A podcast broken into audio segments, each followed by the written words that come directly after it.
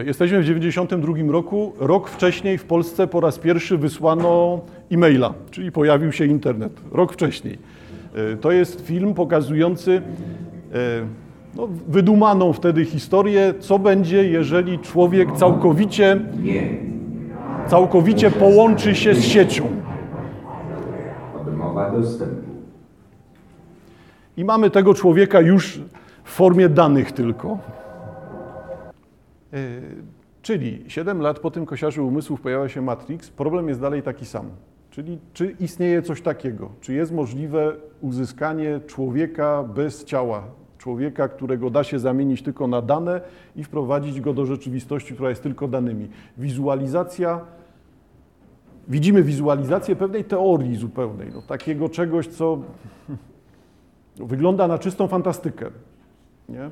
No tylko my w stosunku do Matrixa jesteśmy 20 lat później. Rzeczywiście zaczynają się kłopoty, nie? ponieważ to, co było śmieszne w kosiarzu umysłów, e, to, co w Matrixie wyglądało na fantazję popartą odpowiednimi efektami specjalnymi, te zniekształcenia świata, to przechodzenie postaci, tak, bohater wnika w antagonistę, roz, rozbija go od środka, e, no to to wszystko wygląda na popis technik filmowych, efektów.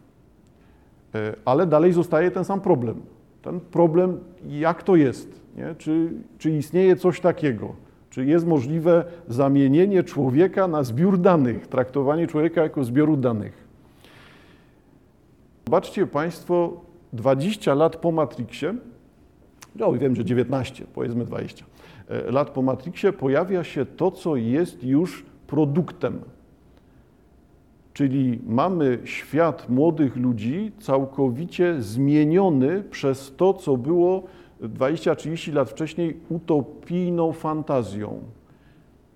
Będziemy widzieli w tym serialu dwójkę rówieśników, nastolatków Wielkiej Brytanii.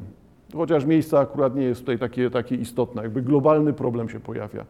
Zwróćcie Państwo uwagę na to, kim oni są, znaczy jakie reprezentują typy jako ludzie będzie bardzo to charakterystycznie wyglądało.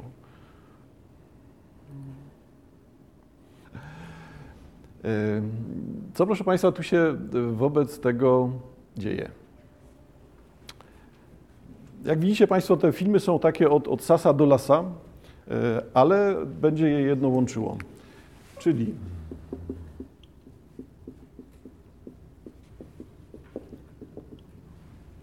jeżeli humanizm i dataizm, no to humanizm y, i dataizm, z, tego, z, tych, z tych dwojga rzeczy trzeba pewnie wyjaśnić tylko tą drugą.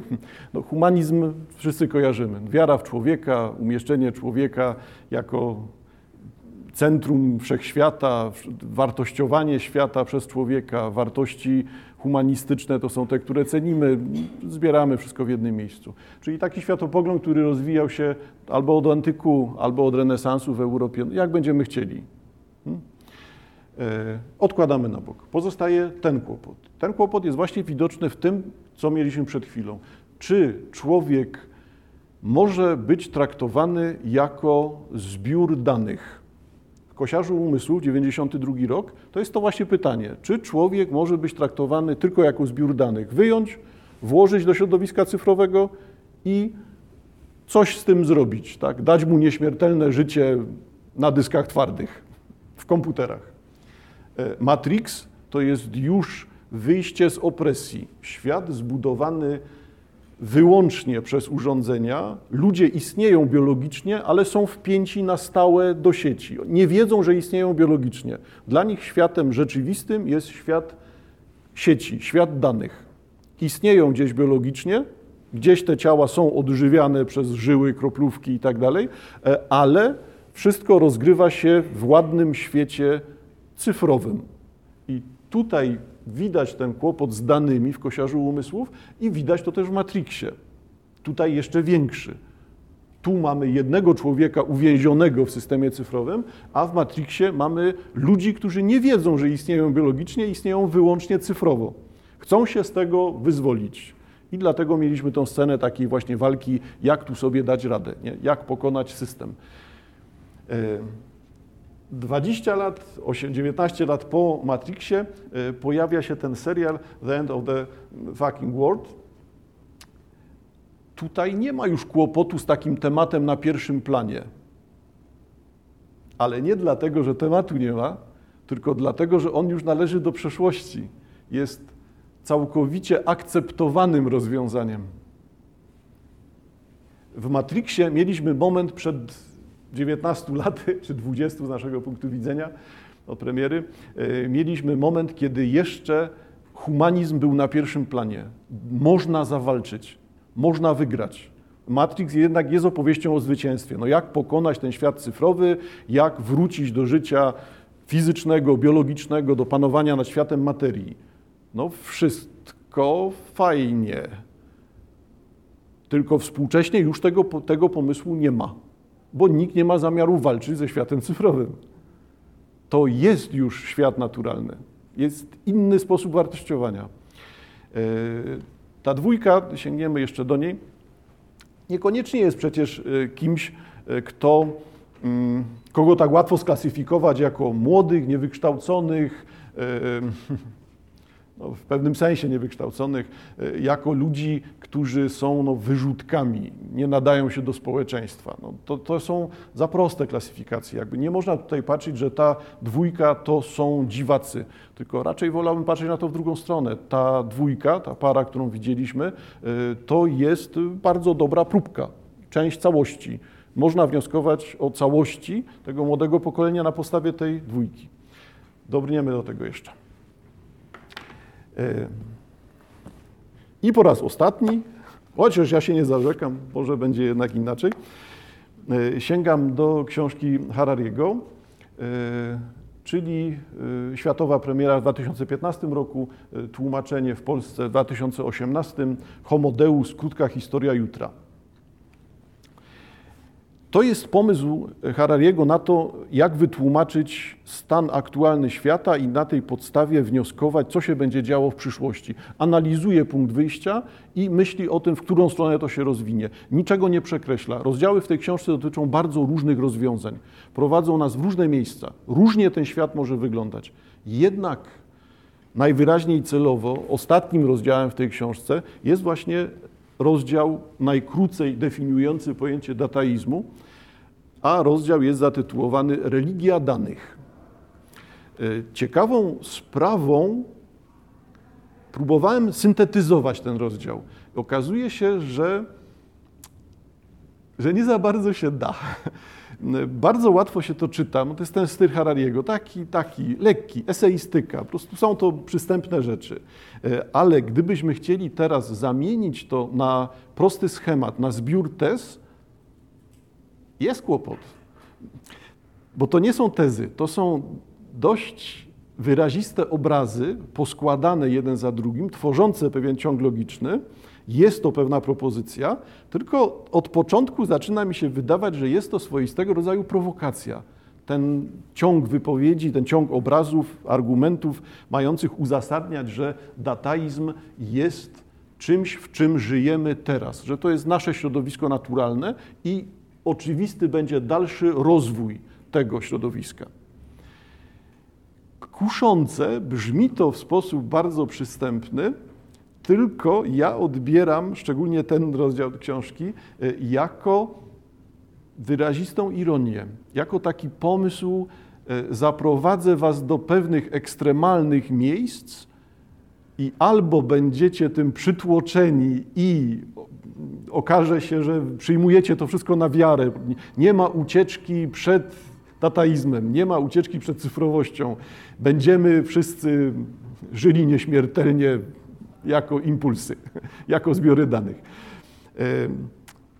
Z tego właśnie, z tej obrazowości Harariego, obrazowości emocjonalności stonowanej, ale moim zdaniem widocznej, wynika przybrużenie oka. Wynika to, że spokojnie ten właśnie rozdział można czytać jako ciąg prowokacyjnych, ekstremalnych wypowiedzi, jedna za drugim, prowadzący nas do takiego miejsca, kiedy w puencie jednak jest to zanegowane. Dobrnijmy do puenty. Religia danych. Harari twierdzi, stwierdza, Dataizm głosi, że wszechświat składa się z przepływu danych, a wartość każdego zjawiska czy bytu określa jego wkład w przetwarzanie danych. Hmm? Co z tego wynika? Wszystko można traktować jako zbiór informacji, zbiór informacji na zasadzie to jestem ja, takie mam dane, to robię, tym się zajmuję, na to wpływam, takie podejmuję decyzje, ale to wszystko jest ciągiem informacji. No właśnie to zrobiłem, przedstawiłem umowny, schematyczny ciąg informacji. Fakt, fakt, wydarzenie, decyzja, no cokolwiek. I wobec tego to jest ciąg informacji. E, jakby nie ma niczego, co byłoby istnieniem na zewnątrz, istnieniem obcym temu ciągowi. Nie ma stanu bez informacji. Bycie człowiekiem to jest w tym momencie przyswajanie informacji, przetwarzanie informacji i oddawanie tych informacji w taki sposób, że one na nas wpływają i my podejmujemy jakieś decyzje. Więc wszystko można traktować jako ciąg informacji.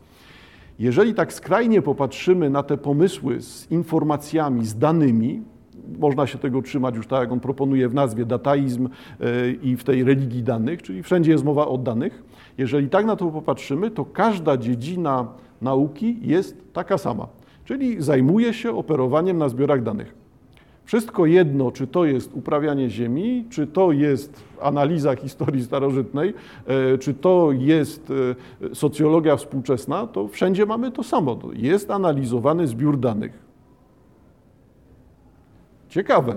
To znaczy nagle pojawia się pomysł na to, że jest jeden wspólny mianownik, że nie ma nauki podzielonej na dziedziny z odrębnymi narzędziami, jest tylko jedna wielka nauka.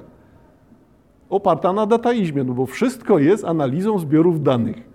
Bycie lekarzem, analiza zbiorów danych. Bycie historykiem, to samo.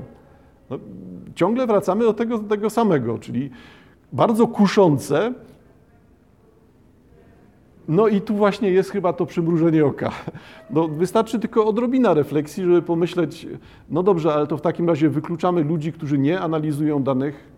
No nie wszyscy analizujemy dane. Już nie, dobra, mam na myśli skrajne przypadki, czyli jeżeli ktoś znajduje się w, w śpiączce i nie analizuje danych, to go nie ma, tak? No bo on stanowi byt fizyczny, ale to oznacza, że skoro on nie przyswaja danych i nie oddaje tych przetworzonych danych, nie wpływa przez te przetworzenie na, na świat, nie podejmuje decyzji żadnych, no to co? No to znaczy, że nie, go nie ma, nie istnieje. Zabieramy mu jednak bycie. To od razu widać w pierwszym zdaniu, że to może być za prosto. Tym niemniej to, co się tutaj rozwija na kilkudziesięciu stronach, jest bardzo uroczym, kuszącym, wciągającym wachlarzem takich właśnie zestawień maksymalistycznych. Dla polityków, przedsiębiorców i zwykłych konsumentów, stwierdza Harari, dataizm jest czymś, co daje przełomowe technologie ogromne możliwości. Uczonym i intelektualistom również wydaje się czymś pozytywnym. Obiecuje im zdobycie naukowego świętego grala, który przez stulecia się im wymykał. Stworzenie jednej, wszechobejmującej teorii łączącej wszystkie dyscypliny naukowe. No, rewelacja. Tylko jeżeli chcemy powiedzieć o wszystkim, to tak naprawdę nie mówimy o niczym. To jest za duże. Wszystko równa się wszystko. Nie trzeba nic sprecyzować, nie trzeba niczego tłumaczyć. Coś przestaje grać. Harari dalej. Według dataizmu piąta symfonia Beethovena, Beethovena, bańka giełdowa i wirus grypy to tylko trzy wzory przepływu danych, trzy prawidłowości, które można analizować z użyciem samych podstawowych pojęć i narzędzi. Wszystko o wszystkim. Nagle powstaje panscientyzm, jedna nauka, która objaśnia wszystko. Człowieka, początek świata, koniec świata, budowę materii, strukturę duszy, istnienie istoty wyższej. Nagle wszystko jest wyjaśnione. Łatwo się w to wciągnąć. Łatwo się w to wciągnąć i łatwo protestować. Docelowo akurat nie, nie wymienię e, nazwisk. Przejrzałem parę recenzji tej książki Harariego Homo Deus i te recenzje były negatywne. Te recenzje były negatywne, to były recenzje z pretensjami. Czyli ale po co, ale na co, a kto to w ogóle jest, to jest jakiś podejrzany, autor podejrzany. No, w podtekście niestety było, że no i wiadomo, bo z Jerozolimy, no takie, no cóż, tak to brzmiało.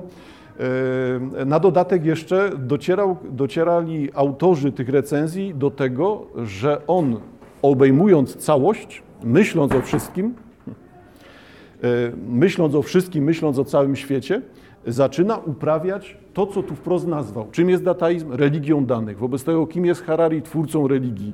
To wcale nie jest, y, dataizm nie jest związany bezpośrednio z Hararim, to nie można tego tak, tak upraszczać, że on tu za wszystko odpowiada, to jest o wiele szersze zjawisko, y, pojęcie, ale skoro on pisze coś takiego, to w takim razie co to jest? To jest zamiana religii, zamiana wiary w Boga, wszystko jedno, jak go określimy, w to, co przed chwilą padło. Wszystko jest tylko oddziaływaniem danych. Wobec tego, czy to jest w komputerze, czy to jest w biologicznej istocie, nie ma znaczenia, bo to jest wszystko tylko przepływ danych. Tylko dane się liczą.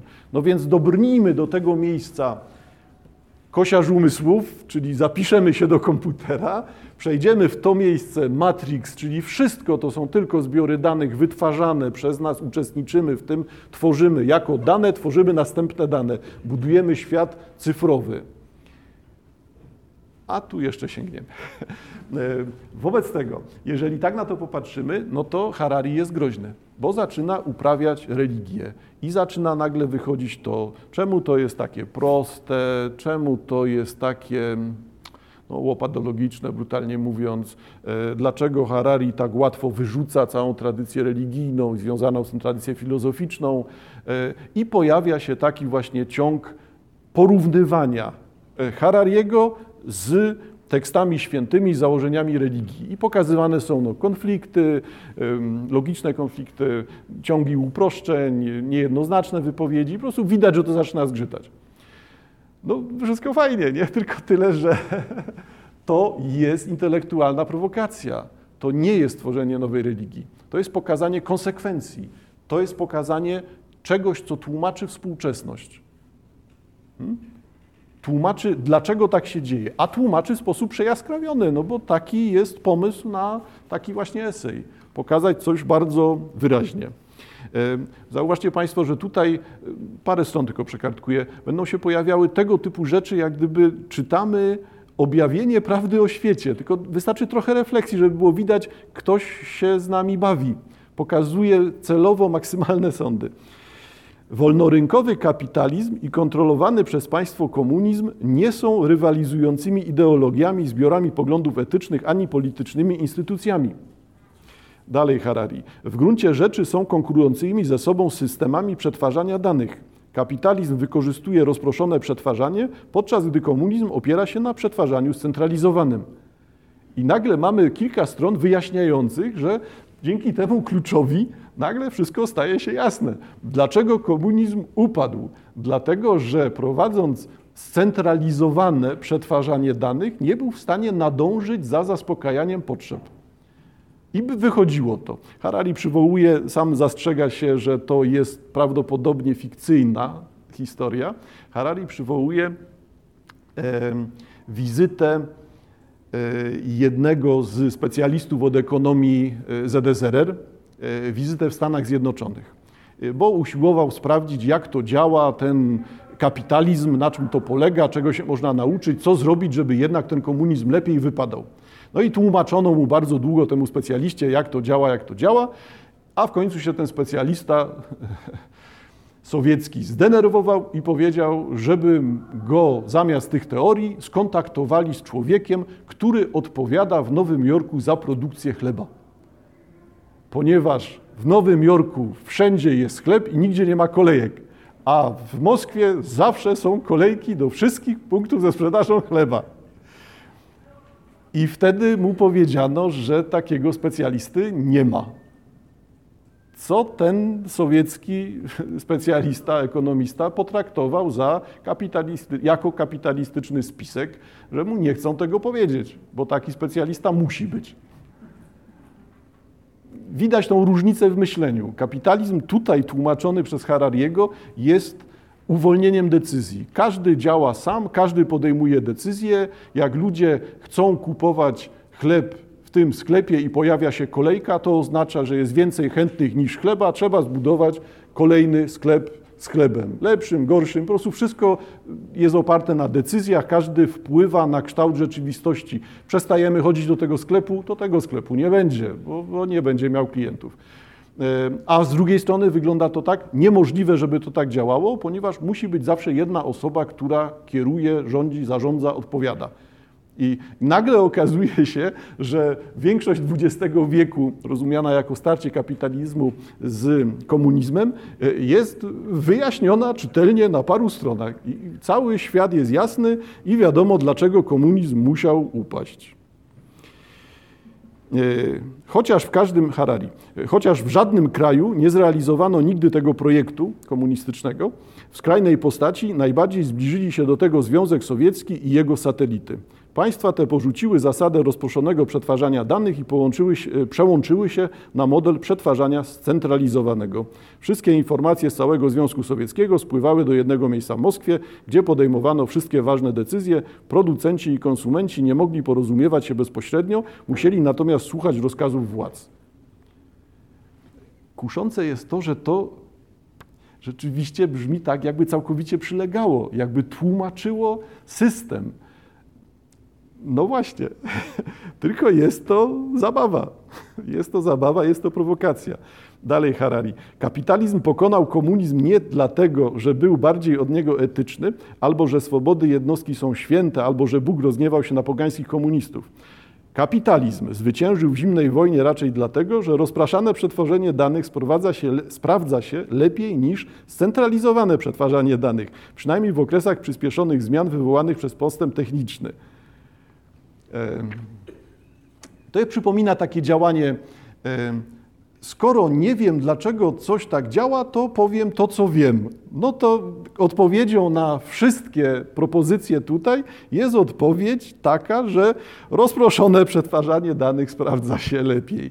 No to jednak są ciągi uproszczeń. Ja nie podejmuję dyskusji, z Hararim, nie jestem socjologiem, nie siedzę w historii e, tak jak on, ale widzę, na czym polega jego zabawa, literacka zabawa. Stosuje powtórzenia, wracają te same ogólne określenia, pokazuje ważne rzeczy, takie węzłowe wydarzenia, coś należącego do przeszłości, co mu się składa w jeden obraz. Próbuje coś wyjaśnić. I ta próba, prowokacyjna próba wyjaśnienia jest ciekawa. E, dalszy ciąg tego rozdziału, e, analiza struktur władzy, tak samo dążenie do tego, czy ta władza musi być władzą tyrańską, władzą jednej osoby, czy też lepsza jest ta władza, znowu rozproszone przetworzenie danych. Ten sam model. E, przegląd całej historii, który mieści się w kilku zasadniczych punktach. Cała historia, rozumiana jako ten ciąg wymiany danych, sprowadza się u Harariego. Możemy również, sprowadza się do tego, że możemy również rozumieć całą historię jako proces usprawniania systemu za pomocą czterech podstawowych metod. Zwiększenie liczby procesorów. Co to znaczy w historii? Miasto liczące 100 tysięcy ludzi ma większą moc obliczeniową niż wioska zamieszkana przez tysiąc osób. Zmiana następuje wtedy, kiedy mamy wzrost gęstości zaludnienia. W miastach rozwija się wszystko szybciej niż żyjąc w rozproszeniu, ale rozwija się dlatego, że mamy ten szereg procesorów. Każdy jest procesorem. Każdy generuje dane, przyjmuje, przetwarza, oddaje, wpływa na świat. Drugi punkt. Zwiększanie różnorodności procesów. Różne procesy mogą stosować różne sposoby obliczania i analizowania danych. Korzystanie z wielu rodzajów procesorów w jednym systemie może zatem zwiększyć jego dynamizm i kreatywność. Rozmowa między wieśniakiem, kapłanem i lekarzem może przynieść nowe pomysły, które nigdy by się nie pojawiły w rozmowie trzech zbieraczy, zbieraczy łowców. Czyli współpraca różnych procesorów, różnych osób daje lepszy wynik. Zauważcie Państwo, odkryć nie ma, to są normalne rzeczy, takie, które mamy przyswojone. Sprawa tylko dotyczy zmiany słownika. On to tłumaczy tym swoim słownikiem, zgodnie z założeniami, że wszystko to jest tylko wymiana danych. Zwiększenie liczby połączeń między procesorami, czyli zwiększanie samej liczby i różnorodności procesorów ma niewielki sens, gdy są one ze sobą słabo połączone. Sieć handlowa łącząca 10 miast da prawdopodobnie w wyniku o wiele więcej ekonomicznych, technicznych i społecznych innowacji niż 10 pojedynczych miast. Czyli pojawia się istnienie sieci, powiązania pomiędzy dużymi skupiskami procesorów, tak, czyli nas. E, I kolejny, ostatni, zwiększenie swobody przepływu danych po istniejących połączeniach. Czyli łączenie procesorów nie na wiele się zda, jeśli dane nie będą mogły swobodnie się przemieszczać. Samo zbudowanie dróg pomiędzy dziesięcioma miastami nie przyniesie wielkiego pożytku, jeśli będą je nękali rabusie, albo jeśli jakiś paranoiczny despota nie pozwoli kupcom i podróżnym korzystać z nich tak, jak chcą. Czyli usprawnienie wymiany danych. E, I co teraz? Pierwszy etap ewolucja poznawcza, zdaniem Harariego. E, Homo sapiens opanowali przewagę i dzięki temu opanowali świat. Drugi etap rewolucja agrarna, zmiany związane z uprawią ziemi. Y, trzeci etap y, rozpoczął się z wynalezieniem pisma i pieniądza. Hmm? I mamy przejście marzenie stało się rzeczywistością w czwartym, ostatnim etapie historii, który zaczął się mniej więcej w 1492 roku. Odkrywcy, zdobywcy, handlowcy z okresu wczesnej nowożytności rozciągnęli pierwsze cienkie nici, które otaczały cały świat. Pod koniec okresu nowożytnego te nici stały się mocniejsze i gęstsze. Delikatna pajęczyna z czasów Kolumba przybrała w XXI wieku postać solidnej sieci ze stali i asfaltu. Co ważniejsze, cała ta globalna sieć pozwoliła na coraz swobodniejszy przepływ informacji. I tutaj dzieje się ta zmiana, czyli e, początek globalizacji uznaje Harari za ten moment, kiedy następuje wzrost intensyfikacji wymiany informacji i udrażnione są wszystkie kanały komunikacyjne. Nic nie stoi na przeszkodzie do tego, żeby wszyscy ludzie dogadywali się z wszystkimi ludźmi. Czyli mamy to, co nazywamy globalizacją. E, ciąg dalszy Harariego e, zwraca uwagę na to, że dalsze wypowiedzi czy rozważań Harariego e, zawiera w sobie żądanie, postulat uwolnienia informacji, czyli tego nie, że ma być wolność słowa, tylko Harari pisze o tym, że każda informacja musi być wolna. Trzeba nie tyle zapewnić człowiekowi możliwość wypowiedzi, ile zapewnić możliwość istnienia wszystkich informacji, zlikwidować całą cenzurę, e, sprawić, że jakąkolwiek cenzurę, jakiekolwiek ograniczenie w przepływie informacji. Wszystkie informacje powinny być dostępne dla każdego z procesorów. I to jest ta wolność informacji. Nie wolność słowa, tylko wolność informacji. E, gdzie są negatywne przykłady, akurat Harari chyba tego nie wymienia. E, tam, gdzie Państwo widzicie, że istnieje internet, ale ten internet jest pod siecią, jest ograniczony, nie ma kontaktu z resztą. W Chinach jest internet, ale nie ma kontaktu, z, nie ma bezpośredniego czy nieograniczonego kontaktu z siecią globalną. Jest to internet chiński dla Chińczyków. Tam istnieją jakieś możliwości komunikacji z siecią globalną, ale sam ten system jest systemem odrębnym. No i chodziłoby o to, żeby w takim razie każdy Chińczyk, Amerykanin, Polak miał prawo do informacji każdej w każdym czasie, żeby nie istniała żadna blokada informacji. Stąd ta wolność informacji. Zmierzając do końca Harariego. Dataizm nie jest ani liberalny, ani humanistyczny, stwierdza Harari. To nie jest związane bezpośrednio z humanizmem, nie jest związane z liberalizmem, bo teraz jeżeli powiedzieliśmy o wolności informacji, to się wydaje liberalizmem 120%. Wszystko, wszyscy mają, wszyscy mają dostęp, wszyscy mają pełną wypowiedź, istnieje wolność, która e, staje się nadrzędna wobec wszystkiego. Osoby, świata, człowieka, wymiany informacji, po prostu wolność ponad wszystko. E, tu jednak Harari zwraca uwagę na to, że dalej chodzi o to, aby myśleć o osobie, Utożsamiając ludzkie doświadczenie z układami danych, dataizm podważa nasze zasadnicze źródło władzy i sensu oraz zapowiada potężną religijną rewolucję. Podobnej nie widziano od XVIII stulecia. Za czasów Locke'a, Huma, Voltera humaniści twierdzili, Bóg jest wytworem ludzkiej wyobraźni. Teraz dataizm odpłaca humanistom tą samą monetą, mówiąc im, tak, Bóg to wytwór ludzkiej wyobraźni, ale ludzka wyobraźnia z kolei jest tylko wytworem biochemicznych algorytmów. W XVIII wieku humanizm wykluczył Boga z gry, dokonując przejścia od światopoglądu deocentrycznego do homocentrycznego. W XXI wieku dataizm może wykluczyć z gry ludzi, dokonując przejścia od światopoglądu homocentrycznego do danocentrycznego. zbierając to wszystko jeszcze raz. Czyli jeżeli mamy światopogląd deocentryczny, światopogląd skupiony wokół Boga, jako ten światopogląd podstawowy, powiedzmy, pierwszy, będący punktem wyjścia. Mamy deocentryzm. Wobec tego, hmm, upraszczając oczywiście sprawę, jeżeli Państwo pamiętacie, wszystko, co rozgrywa się na przykład w epoce średniowiecza, rozgrywa się wokół osoby Boga. Człowiek istnieje tylko jako mały pyłek, Bóg jest nadrzędnym e, celem, wartością, ośrodkiem, osią, wszystkim. I to jest w tym momencie deocentryzm. Coś, co pojawia się w szeregu religii, pojawia się też i w chrześcijaństwie. E, czyli podkreślenie, Bóg jest prawdą, wartością, drogą, celem. Wszystkie te określenia w różnych miejscach się pojawiają. Gdy pojawiły się czasy nowożytne, no to, no to wracamy, wracamy na początek zdania.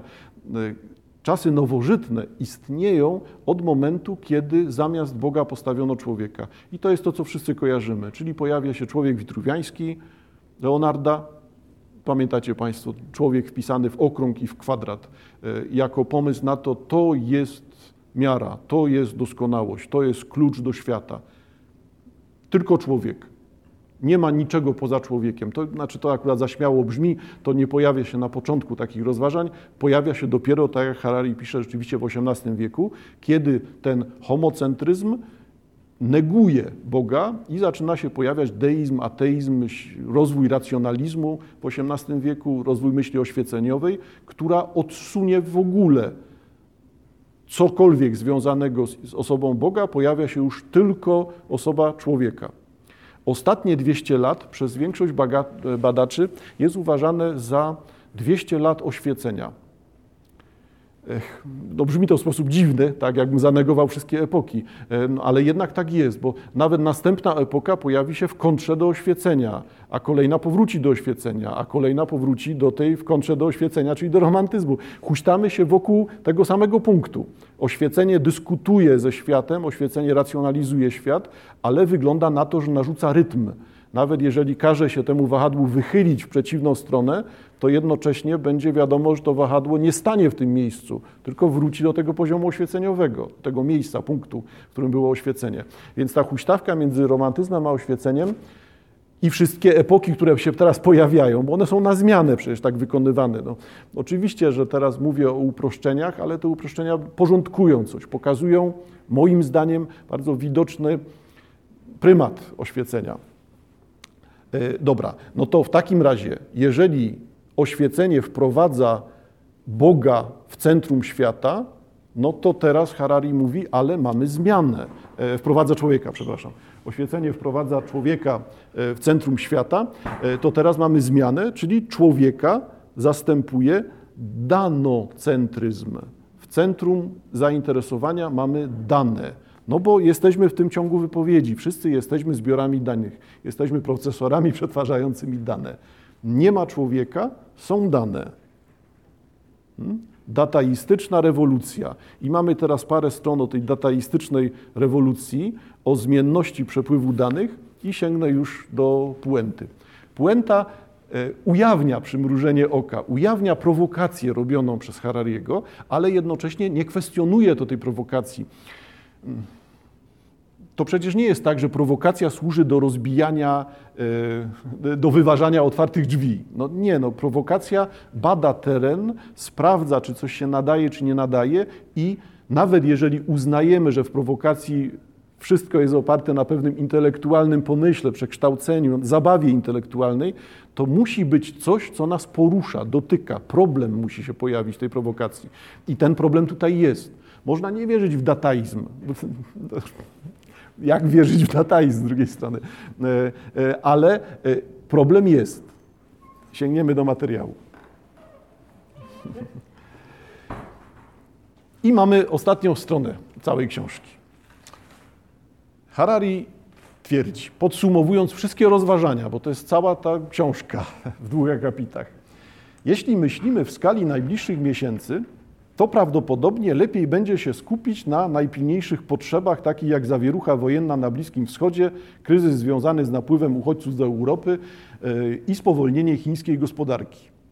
Jeśli myślimy w kategoriach dziesięcioleci, to ten horyzont zdominują globalne ocieplenie, rosnąca nierówność i wstrząsy na rynku pracy. Jeśli jednak patrzymy na życie w naprawdę dalekosiężnej perspektywie, to wszystkie inne problemy i wydarzenia nikną w cieniu trzech powiązanych z sobą procesów. Zawieszę, bo chciałbym jednak wrócić. Zauważcie Państwo, tu właśnie wychodzi to, co e, jest prowokacją. Ta absolutyzacja sądów, te sądy maksymalizowane, to mam na myśli, maksymalizowane sądy, tu są ujawniane. Mamy wyraźny powrót do czystego humanizmu, to nie jest żaden dataizm. Jeśli jednak patrzymy na życie w naprawdę dalekosiężnej perspektywie, to wszystkie inne problemy, wydarzenia nikną w cieniu trzech. Czyli istnieje życie, istnieje perspektywa tego życia i istnieje podstawowa potrzeba refleksji nad życiem, a to jest definicja humanizmu.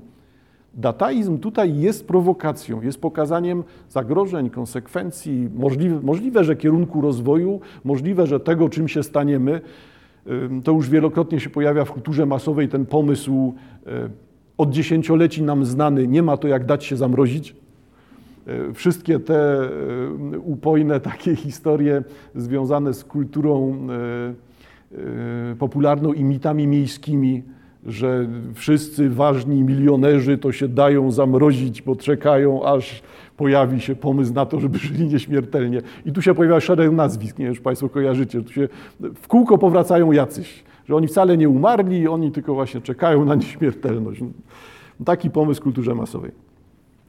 E, no dobra, ale kontynuując Harariego. Humanistę Harariego jednak. E, e, wydarzenia nikną w cieniu trzech powiązanych z sobą procesów. Co się dzieje wobec tego? Punkt pierwszy. Nauka skupia wszystkie swe twierdzenia w jednym wszechogarniającym dogmacie, który głosi, że organizmy to algorytmy, a życie to przetwarzanie danych. To, co padło przed chwilą. Dataizm. Wszystko jest przetwarzaniem danych. Drugi punkt. Inteligencja oddziela się od świadomości. Hmm? Ta teza dotyczy tego, że świadomość bycia człowiekiem nie jest już łączona z pracą nad swoim intelektem. Czyli nie jesteśmy w stanie podnosić swojego intelektu na wyższy poziom, nie rozwijamy inteligencji, bo informacji jest tyle, że nie zrobimy tego, nie jesteśmy w stanie tego obrobić. Wobec tego oddajemy inteligencję na rzecz dzielimy się swoją inteligencją, czy powierzamy swój intelekt, no, mieszam dwa pojęcia, ale staram się coś wyjaśnić, y, czyli inteligencja, intelekt zostaje oddana urządzeniom. Nie musisz pamiętać dat, nazwisk, wymowy, słów, miejsc, bo to masz, sięgasz, patrzysz, widzisz. No nie, nie musisz tego rozwijać. Tych dat, wydarzeń, miejsc, nazwisk, procesów, nowych potraw, nowej muzyki, nowych książek jest tyle, że nie jesteś w stanie tego ogarnąć. Wobec tego musisz mieć urządzenie, które przejmie to działanie.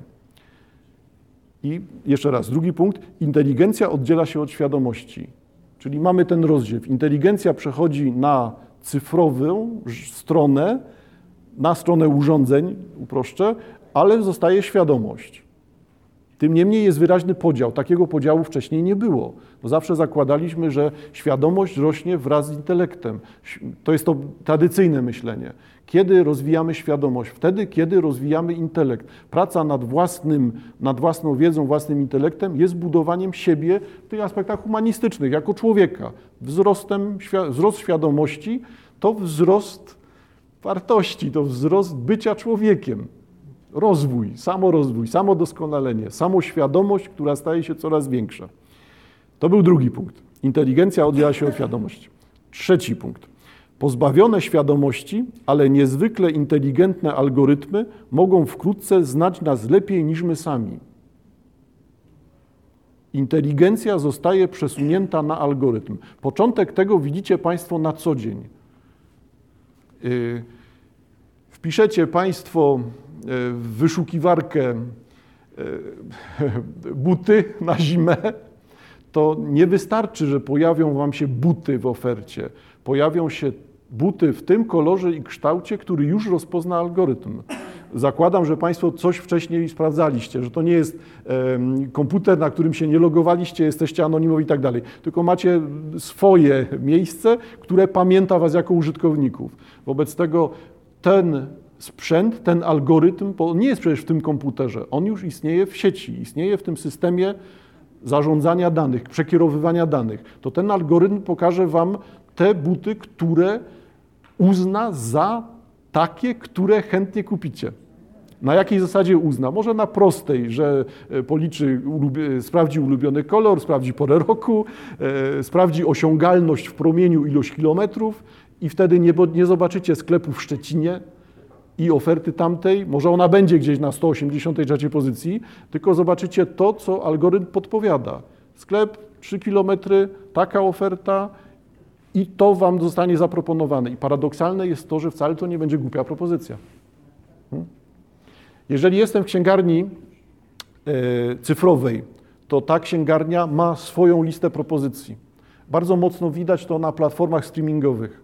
E, przed chwilą Państwo widzieliście tą jedną z popularniejszych platform streamingowych e, wideo. Wobec tego ta platforma streamingowa wideo z tym serialem, o którym wspominałem, zbudowana jest na tej samej zasadzie. Ona nie pokazuje w tym tygodniu nowe jest to i to, tylko pokazuje to na tej zasadzie. Ponieważ oglądałeś to, to i to, to zobaczysz to. Oczywiście można szukać, nie, nie ma problemu, można. Tylko każde moje wyszukiwanie, a muszę tam być zalogowany jako użytkownik, bo inaczej nie mam dostępu, każde wyszukiwanie wpływa na algorytm. Hmm?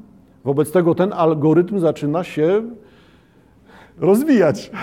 On jest coraz lepszy, on mi coraz bardziej pasuje. Ja nie muszę podejmować tej decyzji, nie muszę szukać po omacku.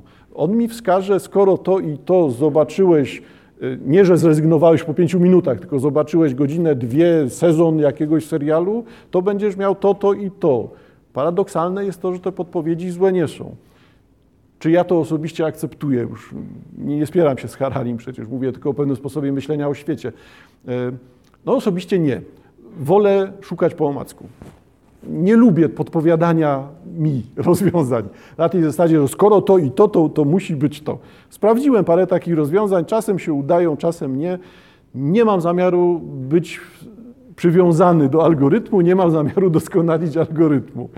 Także to może wyglądać inaczej też. E, ale problem, problem, sprawa, zagadnienie jest. I to rzeczywiście przerabiamy na co dzień. E, pominąłem parę stron Harariego dotyczącego, parę stron dotyczących rozwoju internetu rzeczy. I on tutaj widzi ten algorytm. Hmm?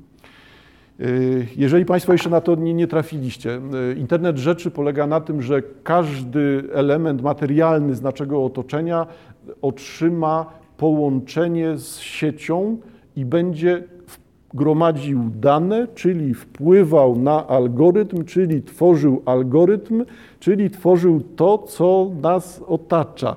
Jednym słowem, jeżeli w domu będzie łazienka z wszystkimi urządzeniami podłączona do internetu, kuchnia z wszystkimi urządzeniami pojedynczo podłączonymi do internetu, nie mówiąc o radiu, telewizorze i zasłonach w oknach, to ten algorytm zacznie działać za nas ponieważ będzie wiedział, że zwykle wstajemy o 7.12, wobec tego trzeba włączyć y, ekspres, trzeba czajnik włączyć, trzeba włączyć radio, y, uruchomić światło w łazience, y, nagrzać, wystudzić wodę, no cokolwiek chcemy. Jak się tak na to patrzy, to ja zaskoczony odkrywam, jak łatwo jest zbanalizować życie. Bo to jest racja. No, wstajemy o zwykłych godzinach, jemy raczej to samo, no czasem coś innego, ale to samo, raczej w tym samym czasie. Raczej oglądamy takie kanały w telewizji, a nie inne. Słuchamy radia o tych godzinach, a o tych godzinach chcemy mieć tylko jedną lampkę włączoną, a teraz ma być cieplej, a teraz ma być zimniej. Wygląda na to, że to jest tak stereotypizowane, taka banalizacja życia tu się pojawia, że, że trudno nie uznać, że ten algorytm może mieć rację, że to wszystko jest tak proste. No, po prostu no, wszystko będzie tak działać. Samo się włączy, samo wyłączy. Lodówka to jest to, co Państwo już znacie z rynku, tak? Lodówka zamawia w sklepie towary. To już jest. Nie ma tego i tego, to lodówka wysyła zamówienie, dostajecie Państwo skrzynkę, y, mamy rozwój dronów, to za niedługo jeszcze to wyląduje na balkonie i nagle sprawa się kończy.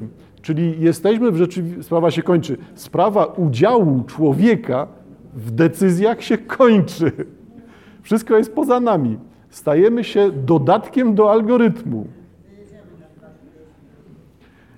To w takim razie paradoks jest taki, że my jesteśmy obciążeniem algorytmu.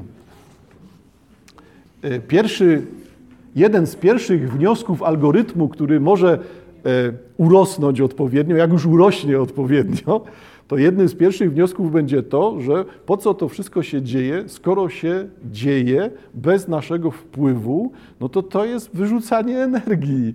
Po co przeprowadzać te działania, skoro one algorytmowi do niczego nie służą? No, algorytm może zacząć działać sam i uzna, że my jesteśmy tym najsłabszym elementem. No, po prostu jesteśmy do niczego. Więcej psujemy niż robimy, jesteśmy obciążeniem świata. Kto wie? I teraz, gdyby to był, była kropka, no to ja bym rozumiał, Harari y, uprawia y, religię, pokazuje w ekstremalny sposób, że ludzie znikną, zostanie tylko świadomość zapisana w chmurze danych. Wszystko jedno, czy na dysku, czy w chmurze, będzie istniała sama. A my jesteśmy tym elementem zbędnym, wobec tego ta świadomość sobie bez nas poradzi. I jest nagle tylko ten jeden pomysł. No to mielibyśmy e, negatywny wydźwięk tej książki. No tylko tyle, że są odpowiedzi Harariego i te odpowiedzi tutaj są skrajnie humanistyczne. Cały ten dataizm opisywany jest prowokacją intelektualną i widoczną w puencie. Co jest w puencie? Mamy wcześniej trzy procesy, trzy zagrożenia. Tak? E, skupia, nauka skupia się e, w jednym dogmacie, inteligencja oddziela od świadomości, e, algorytmy zastąpią nas samych. I mamy końcówkę. Te trzy procesy rodzą trzy kluczowe pytania. Mam nadzieję, że utkwią one w Twojej głowie na długo. I już sama ta wskazówka, że utkwią w Twojej głowie, jest bardzo czytelna. Czyli to nie jest nie ma to jak być zbiorem danych, tylko to jest ten pomysł. To wszystko jest mówieniem do człowieka, to wszystko jest przekonywaniem człowieka do tego, żeby ogarnął się, zaczął myśleć, przewidywać konsekwencje działań. Jesteśmy jakby z humanizmem na pierwszym planie. Te trzy procesy rodzą trzy kluczowe pytania. Mam nadzieję, że utkwią one w Twojej głowie na długo. Pierwszy. Czy naprawdę organizmy to tylko algorytmy, a życie to naprawdę tylko przetwarzanie danych? Czyli po co było te 30 stron? No po to, żeby dojść do tego, do tej puenty. No pomyśl, masz przedstawiony pewien ciąg obrazowych rzeczy, pojęć, wydarzeń, sytuacji, ale ty musisz się do tego odnieść. To nie jest żadna religia, to jest coś, co może ci grozić, a zależy to od ciebie jako od osoby. Czy naprawdę organizmy to tylko algorytmy, a życie to naprawdę tylko przetwarzanie danych? Czyli o co on nam mówi teraz? No to wszystko, co napisałem, jest nieprawda. No chodzi o to, żebyście zaczęli myśleć, działać, odnieść się do tego. E, co jest więcej warte? Drugi punkt. Co jest więcej warte? Inteligencja czy świadomość? Znowu to podstawowe humanistyczne pytanie, czy inteligencja jest świadomością, jeżeli myślimy, że świadomość jest wyznacznikiem osoby. Jeżeli humanistyczna jest świadomość, bycie człowiekiem jest tą podstawą humanizmu, no to inteligencja nie. No nie możemy w ten sposób, bo uznajemy, że e, lepszym człowiekiem jesteś, jak masz ilora 150, a gorszym, jak masz 110. No nie da się tego uznać w humanizmie. Wobec tego inteligencja nie, ma, nie jest wyznacznikiem bycia człowiekiem. Wobec tego liczy się tylko świadomość. Hmm? To niby, niby proste, no ale może właśnie trzeba to, żeby to prosto zabrzmiało dzisiaj, tu i teraz. Trzeci punkt, ostatnie zdanie tej książki. E, co się stanie ze społeczeństwem, polityką i codziennym życiem, kiedy pozbawione świadomości, ale niezwykle inteligentne algorytmy będą znały nas lepiej niż, nas, niż my sami? I to jest ta puenta internet rzeczy, to o czym wspominałem wcześniej. Po prostu jesteśmy wtedy nikim. To wszystko jest zbędne. Okaże się, że inteligentne algorytmy uznają, że jesteśmy niepotrzebnym elementem świata.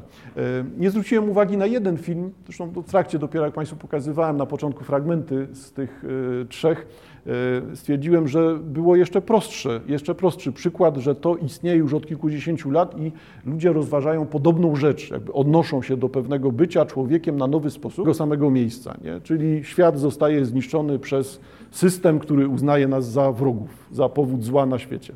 Hmm? Tylko ten system jest stworzony przez nas. No.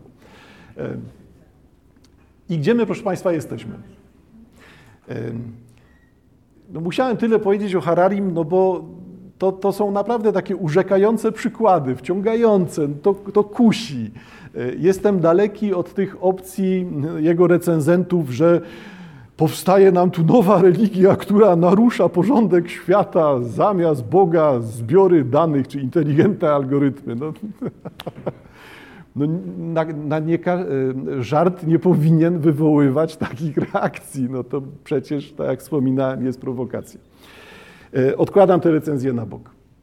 W dwóch miejscach jesteśmy, sięgnę do tego. E, the End, the end of the Fucking World. Widzieliście Państwo dwie postacie.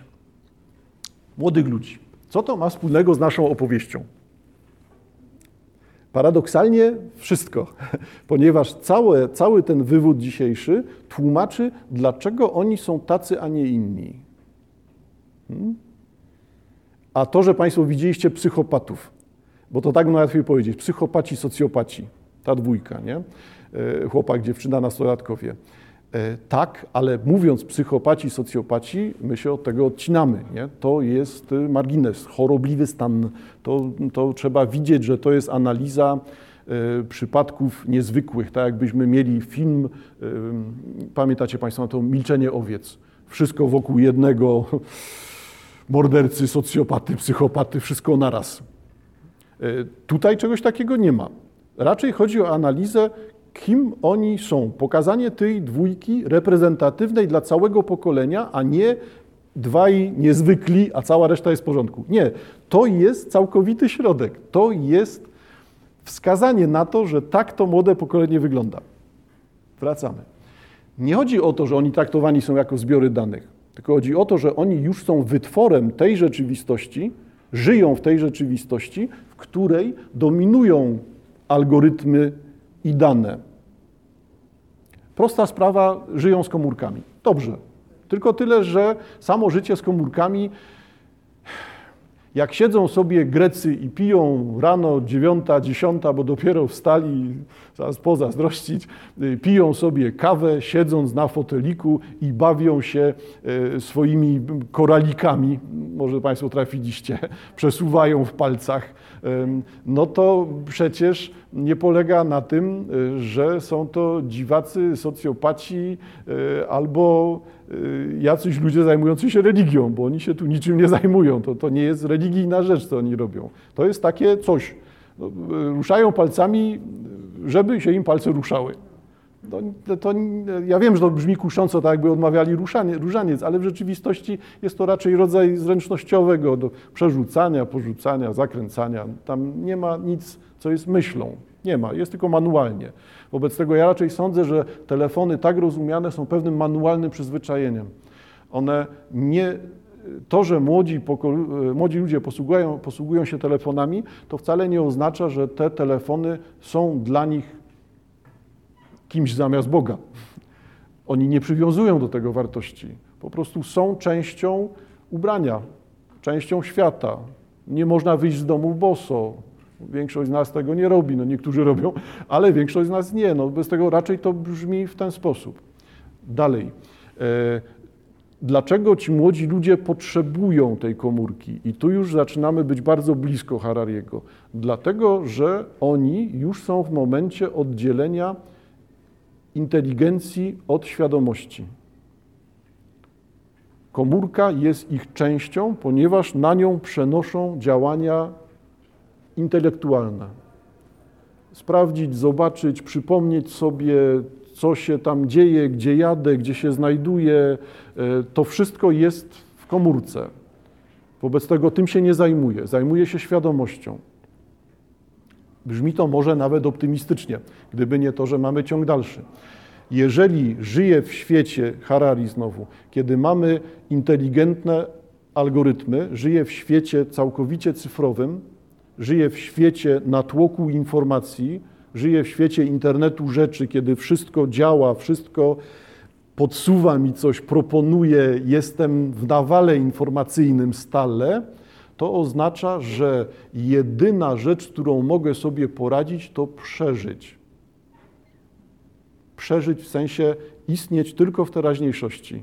Nie jestem, nie mam czasu, nie jestem w stanie myśleć o tym, co będzie konsekwencją moich działań, tego, jakim, jesteś człowiek, jakim jestem człowiekiem, nie jestem w stanie myśleć o tym, co mnie poprzedza, skąd się wziąłem jako ten człowiek. Bo istnieje tylko w jednym momencie. Nie jestem, ilość informacji, która spotyka mnie tu i teraz, wyklucza możliwość myślenia o przeszłości i przyszłości, ponieważ tkwię tylko w jednym miejscu, przytłoczony ilością informacji teraźniejszych. Wobec tego nie ma przeszłości, nie ma przyszłości, nie ma myślenia, jaki byłem, nie ma planowania, jaki będę. Jest to, co Państwo tu widzieliście. Hmm? E, jak gdyby te osoby, pamiętacie Państwo tą scenę w restauracji, kiedy dziewczyna zaczyna kląć, e, kelnerka zwraca uwagę, że będzie musiała wyjść. No to ona robi reset. Mija ile? No, pół sekundy. Przeprasza, staje, jakby zaczyna mówić jako inna osoba i powtarza tą samą sytuację, która była wcześniej. To nie jest złośliwość. To nie da się tego tak prosto powiedzieć, że to jest rodzaj e, hamstwa młodych i prowokacji. Nie, po prostu ona rzeczywiście robi reset, tylko tyle, że ląduje jeszcze raz w tym samym miejscu. Jej e, odpowiedzią na tą sytuację będzie dokładnie to samo, co przed chwilą sama zanegowała, bo w tym nie ma związku. E, jeżeli program na komputerze uruchomimy, i wykonamy pewne działanie, 2 razy 2 równa się 4, to jak zrobimy reset komputera, to to działanie dalej będzie 2 razy 2 równa się 4. Czemu miałoby się zmieniać? No więc mamy tą samą sytuację. To nie jest sytuacja samorefleksji, bo ona wymaga powrotu, przemyślenia przeszłości, wyciągnięcia wniosków, projekcji wniosków na przyszłość, myślenia o sobie. Tego to, to nie działa. Jest tylko tu i teraz. Tylko stan teraźniejszy tkwienie w jednym miejscu i przerabianie tych bodźców, które pojawiają się tylko w jednym miejscu. Nie jestem w stanie powracać, nie jestem w stanie planować. Jestem całkowicie zamknięty na tym jednym punkcie. I teraz, jeżeli tak na to popatrzymy, zauważcie Państwo, że to jest jakby konsekwentnie robione. Kim są ci młodzi? Są całkowicie sami. Nie są w stanie nawiązać relacji. Nie ma jak, nie ma kiedy. Nie znają tego. E, nawet jeżeli widzieliście Państwo tą scenę na ławce, kiedy no, siedzimy, jesteśmy na randce, e, no to ona bierze jego rękę, tak, przykłada ją do piersi e, i usiłuje go całować, przy czym on jest przekonany, że ją całuje, tylko tyle, że nic się nie dzieje, znaczy on nie rusza ustami w ogóle, jest całkowicie jak lalka, ten, ten młody chłopak ale w jego przekonaniu oni są na randce, oni zajmują się właśnie całowaniem, oni jak wypada, no, są na chwilę przed uprawianiem seksu, no, e, tylko tyle, że on tego w ten sposób nie odbiera. Nie? Dla niego liczy się tylko ten jeden moment, a więc moment, w którym on też nie jest w stanie doświadczać, zrozumieć, uznać, że to życie się dzieje. Hmm? I teraz e, ja byłbym daleki od mówienia, że to jest bycie socjopatą, psychopatą. Zaczynam myśleć o tym, że to właśnie jest rozwój tej myśli, tej myśli, która pojawia się u Harariego. Skoro tak jest, rzeczywistość zdominowana jest przez dane, przez algorytmy, to my możemy być tylko częścią algorytmów, to my stracimy siebie, stracimy możliwość wnioskowania, budowania swojego życia, swojej świadomości, zaczniemy tkwić tak jak ta dwójka. Niech świat płynie, a ja nawet nie wiem, jak to powiedzieć, czy to znaczy płynąć z prądem, bo to już jest jakiś pomysł, czy to oznacza tkwić w miejscu i pozwolić, żeby świat płynął, ale to też jest jakiś pomysł. Wygląda to bardziej na to, e, że ta dwójka nastolatków z The End of the Fucking World e, to są osoby, które są całkowicie obok. One ani nie płyną z prądem, ani nie stoją, żeby ten prąd płynął koło nich. One są wyłączone ze świata. tylko tyle, że to jest definicja większości młodych ludzi. Czy oni są nieszczęśliwi siedząc stale na komórkach, nie mając kontaktu z rówieśnikami? Nie. Nie ma takiej refleksji. Nie ma takiej potrzeby też. Czy to jest źle? No, tradycyjnego, humanistycznego punktu widzenia źle. Z ich punktu widzenia, dlaczego źle, jeżeli nie mają żadnej straty? Nie są w stanie zobaczyć niczego. Hmm? Widać, że to młode pokolenie zaczyna zmierzać w taką właśnie stronę.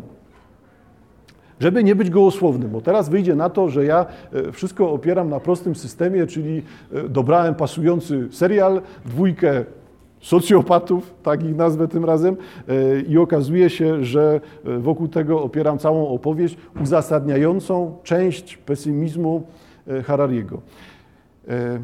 Rzecz bardzo popularna, rzecz, książka bardzo popularna na świecie, tłumaczona już na parę języków, pojawiła się w Polsce teraz, czyli w 2019 roku, e, a w 2016 roku pojawiła się po raz pierwszy powieść e, japońska e, Sayaka Murata, Dziewczyna z Konbini. No jednak tytuł trzeba wyjaśniać. Konbini to jest ten urok Japończyków, którzy nie tylko przyjmą pojęcia obce, tylko jeszcze je będą wymawiać tak, jak im się chce. Czyni nas to bliskimi, ponieważ sami Państwo wiecie, że my jesteśmy tacy sami. Y, tego Montesquieu'a mamy, Szekspira mamy, no wszystko robimy w podobny sposób. Nie ma to jak spolonizować. No to oni są bardzo podobni, tutaj nie ma jak zjaponizować. Konbini, czyli to, co tutaj widzimy, konbini, convenience store. E, najprościej pamiętać Dlaczego to tak brzmi, convenience? E, dlatego, że W i B w języku japońskim są bardzo bliskie i prościej jest im robić to. Czyli zamiast convenience store to się pojawia convenience, wobec tego convini, conbini i lądujemy w tym miejscu. Po prostu taka, taka pojawia się wymowa. E, co to jest? Odpowiednik żabki. No już brzmi jak reklama, nie? No ale po prostu sklepu tego typu odpowiednik żabki. E, duży, samoobsługowy, minimalizujący obsługę, e, zostawiający dużo po stronie, e, po stronie samego, jakby zorientowany na klienta, o, w tą, w tą stronę. Czemu ta powieść jest ciekawa i czemu taki odgłos tej powieści pojawił się na świecie? Upraszczając, o kim to jest? O socjopatce. Dziewczyna, kobieta, wiek niby wygląda na to, że kilkadziesiąt lat, a w rzeczywistości raczej myślimy tutaj o kimś mentalnie będącym nastolatką. E, e, osoba, która stara się poradzić sobie w życiu, nie angażując się w to życie. Przypomnijcie sobie Państwo tą dwójkę z The End of the Fucking World. E, to jest ten sam typ osobowości. Jestem, żyję, ale nie wracam, nie projektuję, nie wyciągam wniosków, tkwię w jednym miejscu i to miejsce jest niczym niezwiązane. Ten model współczesnego życia. E, dziewczyna, kobieta pracująca od kilkudziesięciu lat na jednym stanowisku, na niepełny etat, będąca sprzedawczynią, pomocą sprzedawczyni e, w sklepie. I teraz nie chodzi o to, że y, taka jest zła rzeczywistość kapitalistyczna i to jest powieść o tym, jak kobieta jest prześladowana, bo nie dadzą jej warunków pracy.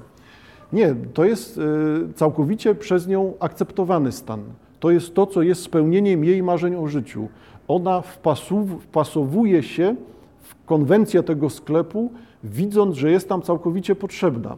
Ale w jaki sposób jest tam całkowicie potrzebna? Tak jakby była urządzeniem służy do tego posprzątać, podejść, y, podać, y, postawić na półce, uporządkować tą półkę, tak jakby robił to robot, tylko tyle, że dla niej to jest spełnienie życia, bo jest na swoim miejscu, jest potrzebna, służy do czegoś. Sensem życia jest zamienienie się w operatora, w urządzenie. Tylko ona nie, nie pokazuje tego w taki sposób. To jest coś, co ja narzucam, staram się wytłumaczyć e, jej punkt widzenia. E, sama powieść pokazuje e, kobietę, która żyje, uczestniczy. Mila zaprosiła mnie na grilla w niedzielę. Dzień wcześniej obiecałam jeszcze, że przyjdę rano, pomogę z zakupami. Gdy tylko się rozłączyłam, zadzwonił telefon, mama. To brzmi wszystko tak jak konwencjonalna narracja, tylko sama postać jest postacią taką właśnie jak postacie z tego serialu.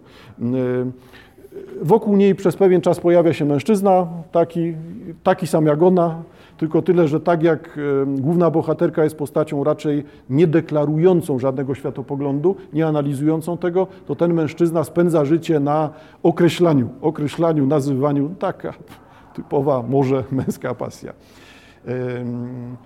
Co ten dentysta, a tfu, nie dentysta, to akurat jest mm, z paragrafu wyżej, e, co ten człowiek mówi o sklepie. Pracują tutaj same miernoty. Jest w tym sklepie, pracuje razem z tą główną bohaterką. Pracują tutaj same miernoty, prawda? Tak jak we wszystkich kombini. Gospodynia, gospodyni domowa, która dorabia, bo z pensji męża się nie utrzymają, do tego dziewczyna bez sensownego planu na przyszłość i studenci, ale tylko tacy mierni, co nie są w stanie dawać korepetycji ani znaleźć innego w miarę porządnego zajęcia. I jeszcze obcokrajowiec, który przyjechał za chlebem. Same miernoty. Rozumiem, odpowiada główna bohaterka. I teraz głos głównej bohaterki. Shiraha postępował tak jak ja. Wypowiadał słowa, które zwykle mówią ludzie, ale tak naprawdę nie mówił nic od siebie. Chyba lubił słowo miernota, użył go aż trzy razy. Przytaknęłam na odczepnego, na odczepnego przypominając sobie słowa Sugawary. E, Obrzydliwe, tylko się obija i cały czas wymyśla nowe wymówki. O tym jej interlokutorze. E, Przyszło mi do głowy proste pytanie. Dlaczego przyszedł pan tu do pracy? Szukam żony, odpowiedział Shiraha bez ogródek. Naprawdę? Zareagowałem zdziwieniem. Słyszałem do tej pory różne odpowiedzi, bo blisko, bo praca wydaje się lekka, ale nigdy nie spotkałem nikogo, kto by zaczął pracować w kombini z takiego powodu. Yy, Ale nic z tego, żadna się nie nadaje. Młode wolą się bawić, do tego różnica wieku. Cóż, kombini dorabiają głównie studentki, nie ma u nas nikogo w odpowiednim wieku i tak dalej. Yy, Czyli co się dzieje? Wszystko jedno, co spotyka tą bohaterkę, to ona odpowiada na tym samym poziomie emocjonalnym. Jak gdyby nic się nie rozgrywa, nie ma doświadczenia, nie ma uznania, nie jest niczym dotknięta, jest całkowicie wykluczona z odczuwania emocji. One dla niej nie istnieją. Liczy się tylko to, że danym, w danym czasie jest w tym miejscu, które pozwala jej na aktywność, a nie na siedzenie w domu i patrzenie na ścianę. Natomiast nie ma tam niczego, co charakteryzowałoby ją w tych kategoriach humanistycznych. No Ona tkwi w czymś, w czymś dziwnym. W Matrixie najwyraźniej, odwołując się do tego samego tytułu. E, Powieść rzeczywiście e, zgrabna, ładnie napisana, ten wątek romansowy gdzieś tu się przewija, pozytywny, negatywny, e, ale ta dziewczyna z Konbini w bardzo ładny sposób pokazania na innym przykładzie tego samego zjawiska. Co to znaczy żyć współcześnie? To znaczy nie patrzeć wstecz, nie patrzeć w przyszłość, nie analizować siebie, nie wyciągnąć żadnych wniosków, nie przeciwstawiać się, nie walczyć ze światem, nie podążać za tym światem, po prostu tkwić w jakiejś bańce. Izolowany całkowicie. Rzeczywistość decyduje za mnie. Przychodzę do sklepu, kierownik decyduje, co mam robić, ja się tym nie zajmuję. I to jest stan oczekiwany. Coś robię, ale na nic nie mam wpływu i go nie chcę mieć. To nie na tym ma polegać. Nie? Dziwny stan, mentalnie yy, no, mi obcy. Tak, to, to nie, nie jestem nie, z tego pokolenia, E, ale widzę w tym bardzo sprawną charakterystykę właśnie tego, co jest tu i teraz. To dużo tłumaczy z tych wszystkich nieporadności, wyobcowań, e, braku myślenia, braku samooceny. E, Teraz przedstawiłem to jako listę negatywów, a w rzeczywistości tu nie chodzi o negatywy. Chodzi o cechy, takie same cechy jak niski, wysoki, małomówny gadać będzie teraz. Zamknięty, wykluczony, izolujący się, nie podejmujący żadnej refleksji. To nie są rzeczy wartościujące, tylko rzeczy stwierdzające stan. Po prostu tak jest. Ale się temu nie musimy poddawać.